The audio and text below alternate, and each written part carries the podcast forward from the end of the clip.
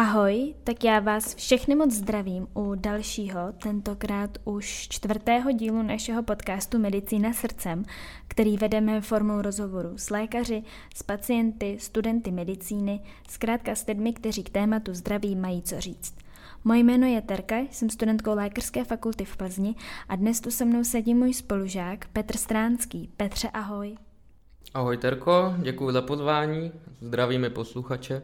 Petře, ty jsi aktuálně teda ve čtvrtém ročníku všeobecného lékařství, v podstatě končíš čtvrtý ročník, ale kromě toho, že studuješ medicínu, tak jsi také český reprezentant ve vzpírání. Závodíš za tým PSK Olymp Praha a jsi několikanásobným mistrem České republiky.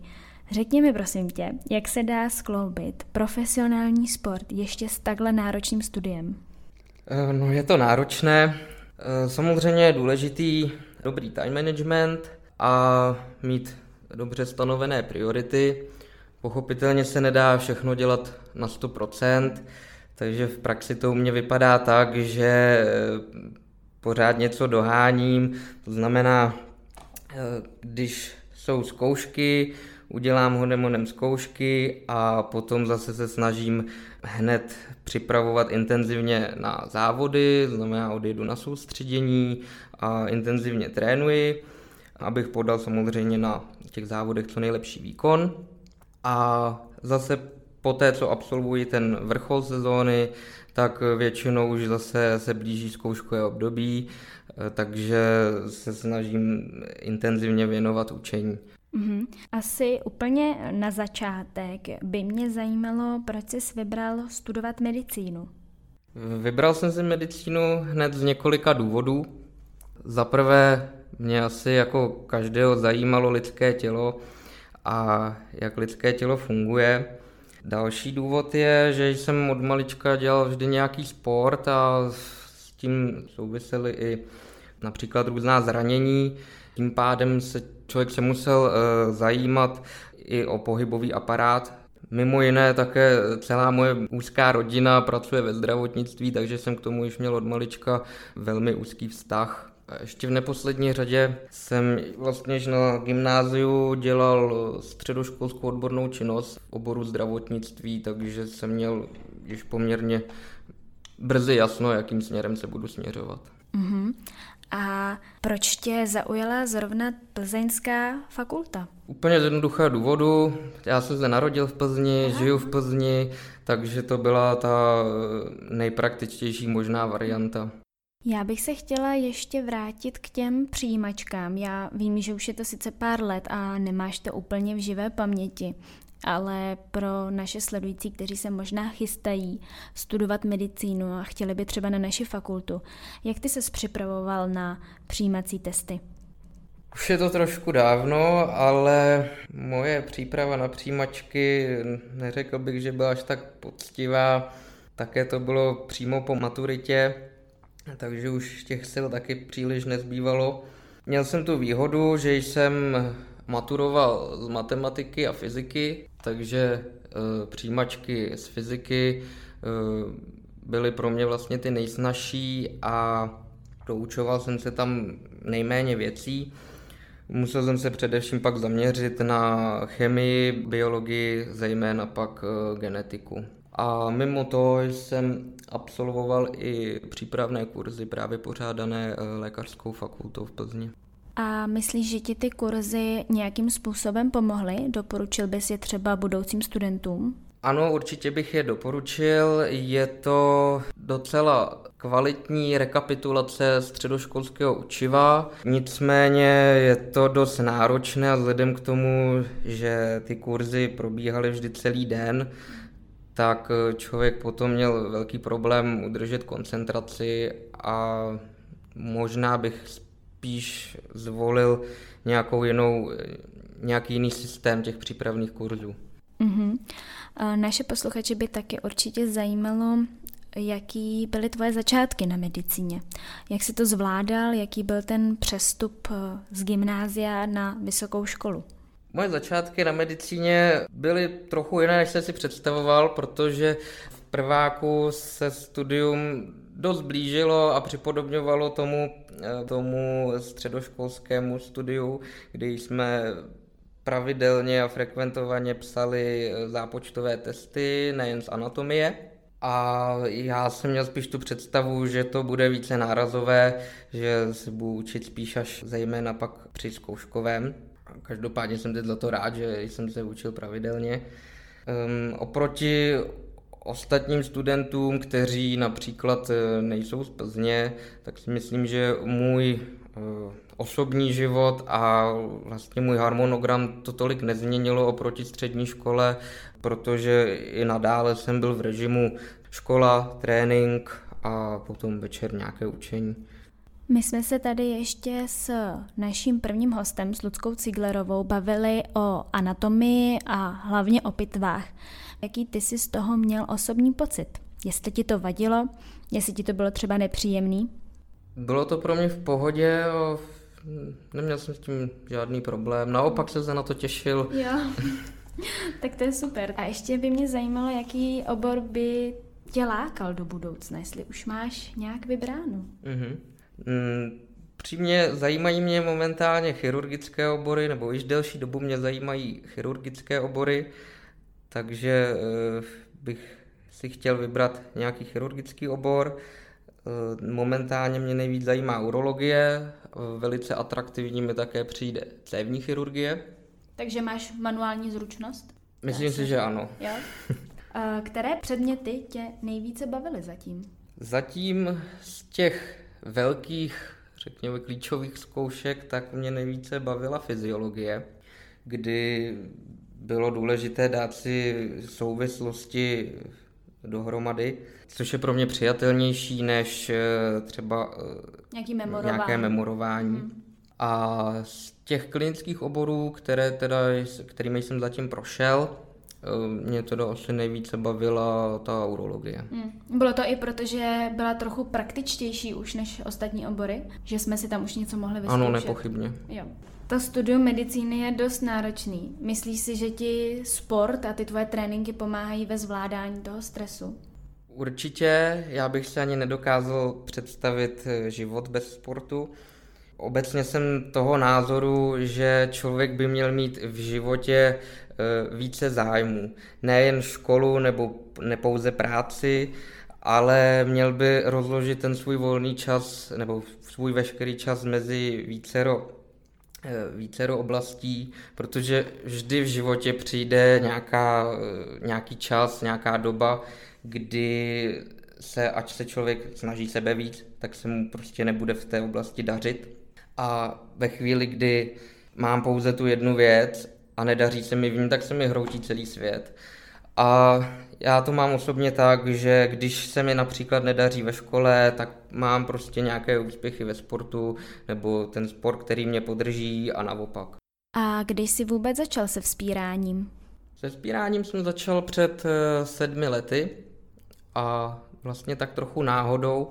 Eh, ze začátku to byl doplňkový sport eh, pro atletiku, protože jsem se v té době věnoval lehké atletice, zejména sprintům. A časem se z doplňkového sportu stal ten hlavní a otočilo se to a z atletiky je momentálně ten doplněk v hmm. přípravě. Ona se ti asi změnila i dost postava, ne? Oproti té době, kdy jsi dělal atletiku. Trochu se mi změnila i postava. Musel si dost nabrat. Jakých úspěchů si vlastně dosáhl ve vzpírání? Mým největším úspěchem ve vzpírání bylo doposud šesté místo na mistrovství Evropy do 23 let. A poté v seniorské kategorii jsem skončil na 11. místě na mistrovství Evropy. Mimo to jsem se zúčastnil i univerzitního mistrovství světa, kde jsem byl sedmý. Eh, a v rámci naší republiky, tak jsem opakovaně zvítězil na mistrovství republiky do 20 let, 23 let a i v kategorii seniorů či na akademické mistrovství. Mohl bys nám trochu přiblížit tento sport? Ano, spírání je olympijský sport, který eh, byl již na antických olympijských hrách a poté již na prvních eh, novodobých olympijských hrách. Je to rychlostně silový sport, který se skládá ze dvou disciplín, takzvaného trhu a nadhozu, které dohromady tvoří takzvaný olympijský dvojboj. Mm-hmm. A cílem v tomto sportu je zvednout co největší váhu nad hlavu s tím, že u trhu je tento pohyb, když to řeknu jednoduše, je to jeden pohyb, kdy zvednu jedním pohybem činku nad hlavu. Nadhoz je rozdělen do dvou pohybů, kdy spěrač nejprve přemístí činku na hruď, kde ji ustálí a poté e, vyrazí činku nad hlavu. Mm-hmm. No a dohromady výkon v těchto dvou e, disciplínách nám tedy tvoří ten zmíněný olympijský dvojboj. A čím si tě potom to vzpírání natolik získalo? E, vzpírání je mimo jiné i velice technicky náročný sport, ať by, až by se to nemuselo zdát.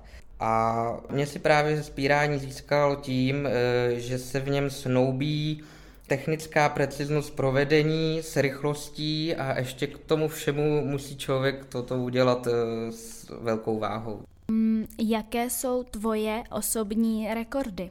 Moje osobní rekordy jsou v trhu 38 kg, na závodech pak 134 a v nadhodu 165 kg, a závodím v kategorii do 73 kg.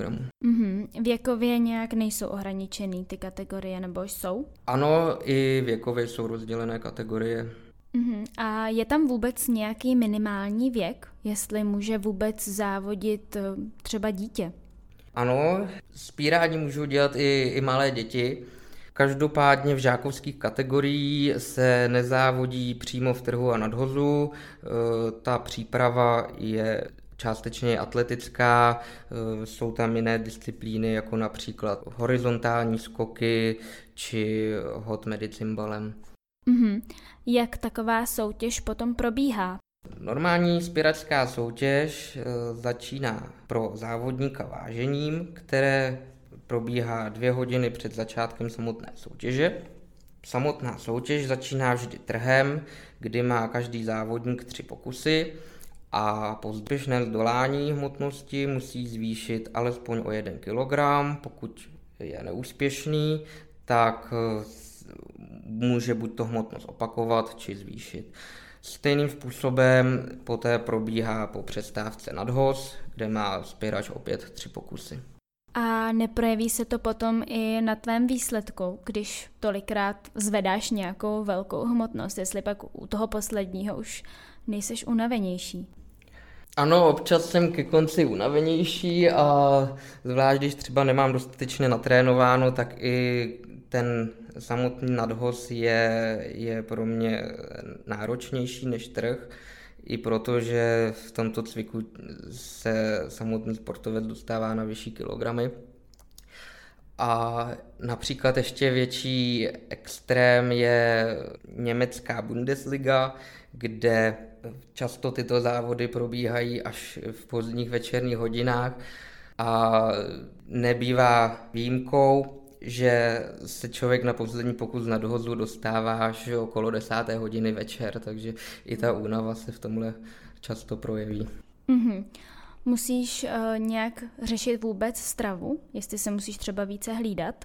Abych byl upřímný, uh, ve stravě mám stále ještě patřičné rezervy, ale když se blíží nějaká soutěž a upravuji váhu do hmotnostní kategorie, patřím teda k těm, kteří většinou ji upravují směrem dolů, tak eh, si pečlivě hlídám stravu, a jinak během, během roku, kdy se nezávodí nebo nemám žádné důležité závody, tak jim naprosto normálně. Samozřejmě snažím se držet zásad eh, zdravého životního stylu a tedy jíst pestře, nepřejídat se a podobně. Prozradím na sebe, že v, ve zkouškovém období je tam trochu víc sladkostí a kávy, než, než by asi mělo být.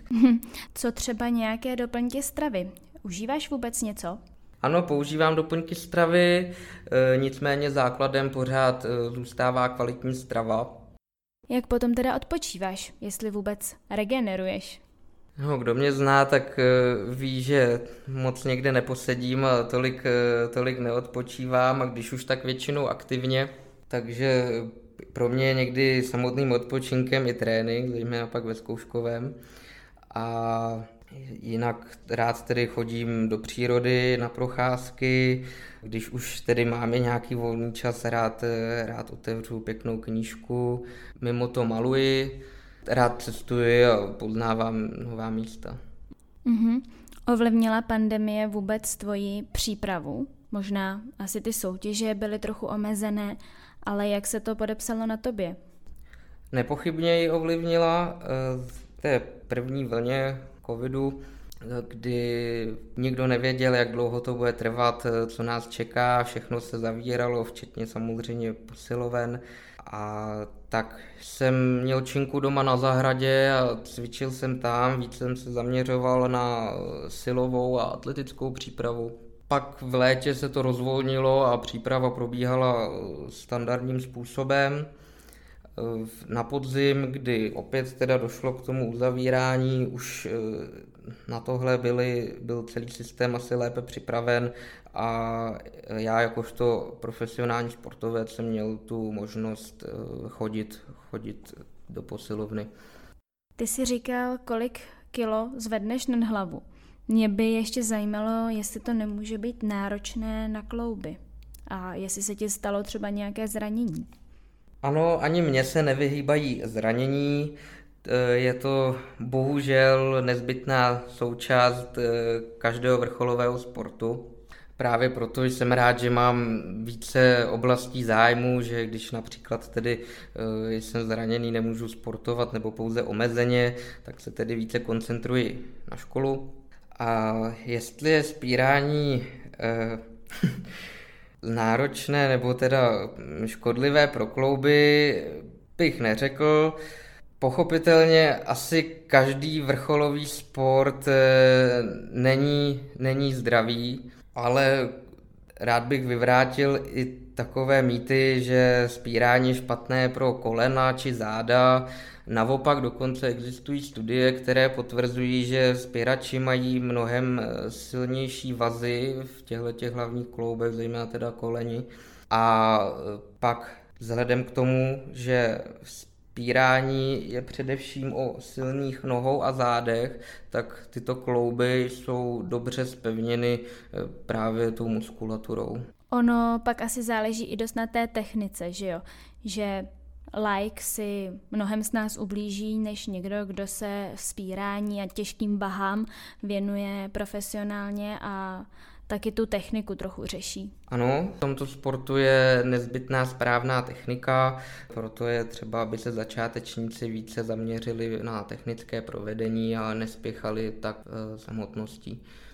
Mm, dá se vzpíráním vůbec uživit? ano, spíráním se dá uživit. Konkrétně v naší České republice se profesionálně eh, věnuje spírání a živí se spíráním několik jedinců. Zde združuje spěrače takzvaný Olymp, to je Centrum sportu ministerstva vnitra v Praze. A zde sportovci pobírají eh, pravidelně měsíční plat, pak samozřejmě je na každém, kolik si vydělá jednotlivými závody. Musím ale podotknout, že to není nic, co by člověka zabezpečilo do budoucna, takže rozhodně nemůžeme konfrontovat tenhle ten sport eh, s hokejem nebo fotbalem. Já když se dívám na vaše závody, nebo cvičím třeba v posilovně, kde zrovna trénují vzpěrači, tak mě vždycky fascinuje, jak zvednete tu obrovskou váhu nad hlavu a potom, co tam chvíli vydržíte, tak eh, ji vlastně pustíte úplnou silou na zem. Má to nějaký důvod, ten audio efekt, nebo jaký to má smysl? Eh, Terko, představ si, že pokládáš na zem eh, třeba dvojnásobek své váhy, tak už se to samozřejmě nepo, nepokládá tak komfortně. a velice to člověka vysiluje. Mm-hmm, takže je to z toho důvodu, že už nemáš třeba sílu položit to hezky pomalu, potichu. Eh, není to jen z tohohle důvodu, je to i samozřejmě z bezpečnostního důvodu. Člověk není schopen eh, v té negativní fázi korigovat tak velkou hmotnost, eh, takže je to i po té bezpečnostní stránce lepší. Uh-huh. A není to trochu komerční sport? Neřekl bych, že to je komerční sport, naopak eh, popularita vzpírání v našich zemí eh, není příliš vysoká a z toho plynou i finance, které do tohohle sportu tečou. Um, ještě bych se chtěla trochu dostat eh, k tématu tvojí budoucnosti. Jak to vidíš? Jaké máš plány do budoucna? Ve sportu bych se rád zúčastnil olympijské kvalifikace eh, pro olympiádu v Paříži a do, té doby se teda ještě aktivně a vrcholově věnoval spírání, pak asi přehodnotím priority a viděl bych svoji budoucnost zejména teda v lékařství. Co se týče osobního života, bych rád eh, založil se svojí partnerkou rodinu, a pořídil si rodinný dům. Petře, já ti moc děkuji za milý rozhovor. Jsem moc ráda, že jsi přijal naše pozvání. Přeju ti mnoho sportovních, ale i studijních a do budoucna pracovních úspěchů. A měj se hezky. Ahoj. Děkuji za pozvání, přeju hezký den. A na vás, posluchače, se budu těšit u dalšího dílu opět za dva týdny a pokud chcete jakékoliv dotazy, připomínky a hodnocení nám můžete zasílat na e-mailovou adresu medicinasrdcem Tak se mějte krásně a ahoj.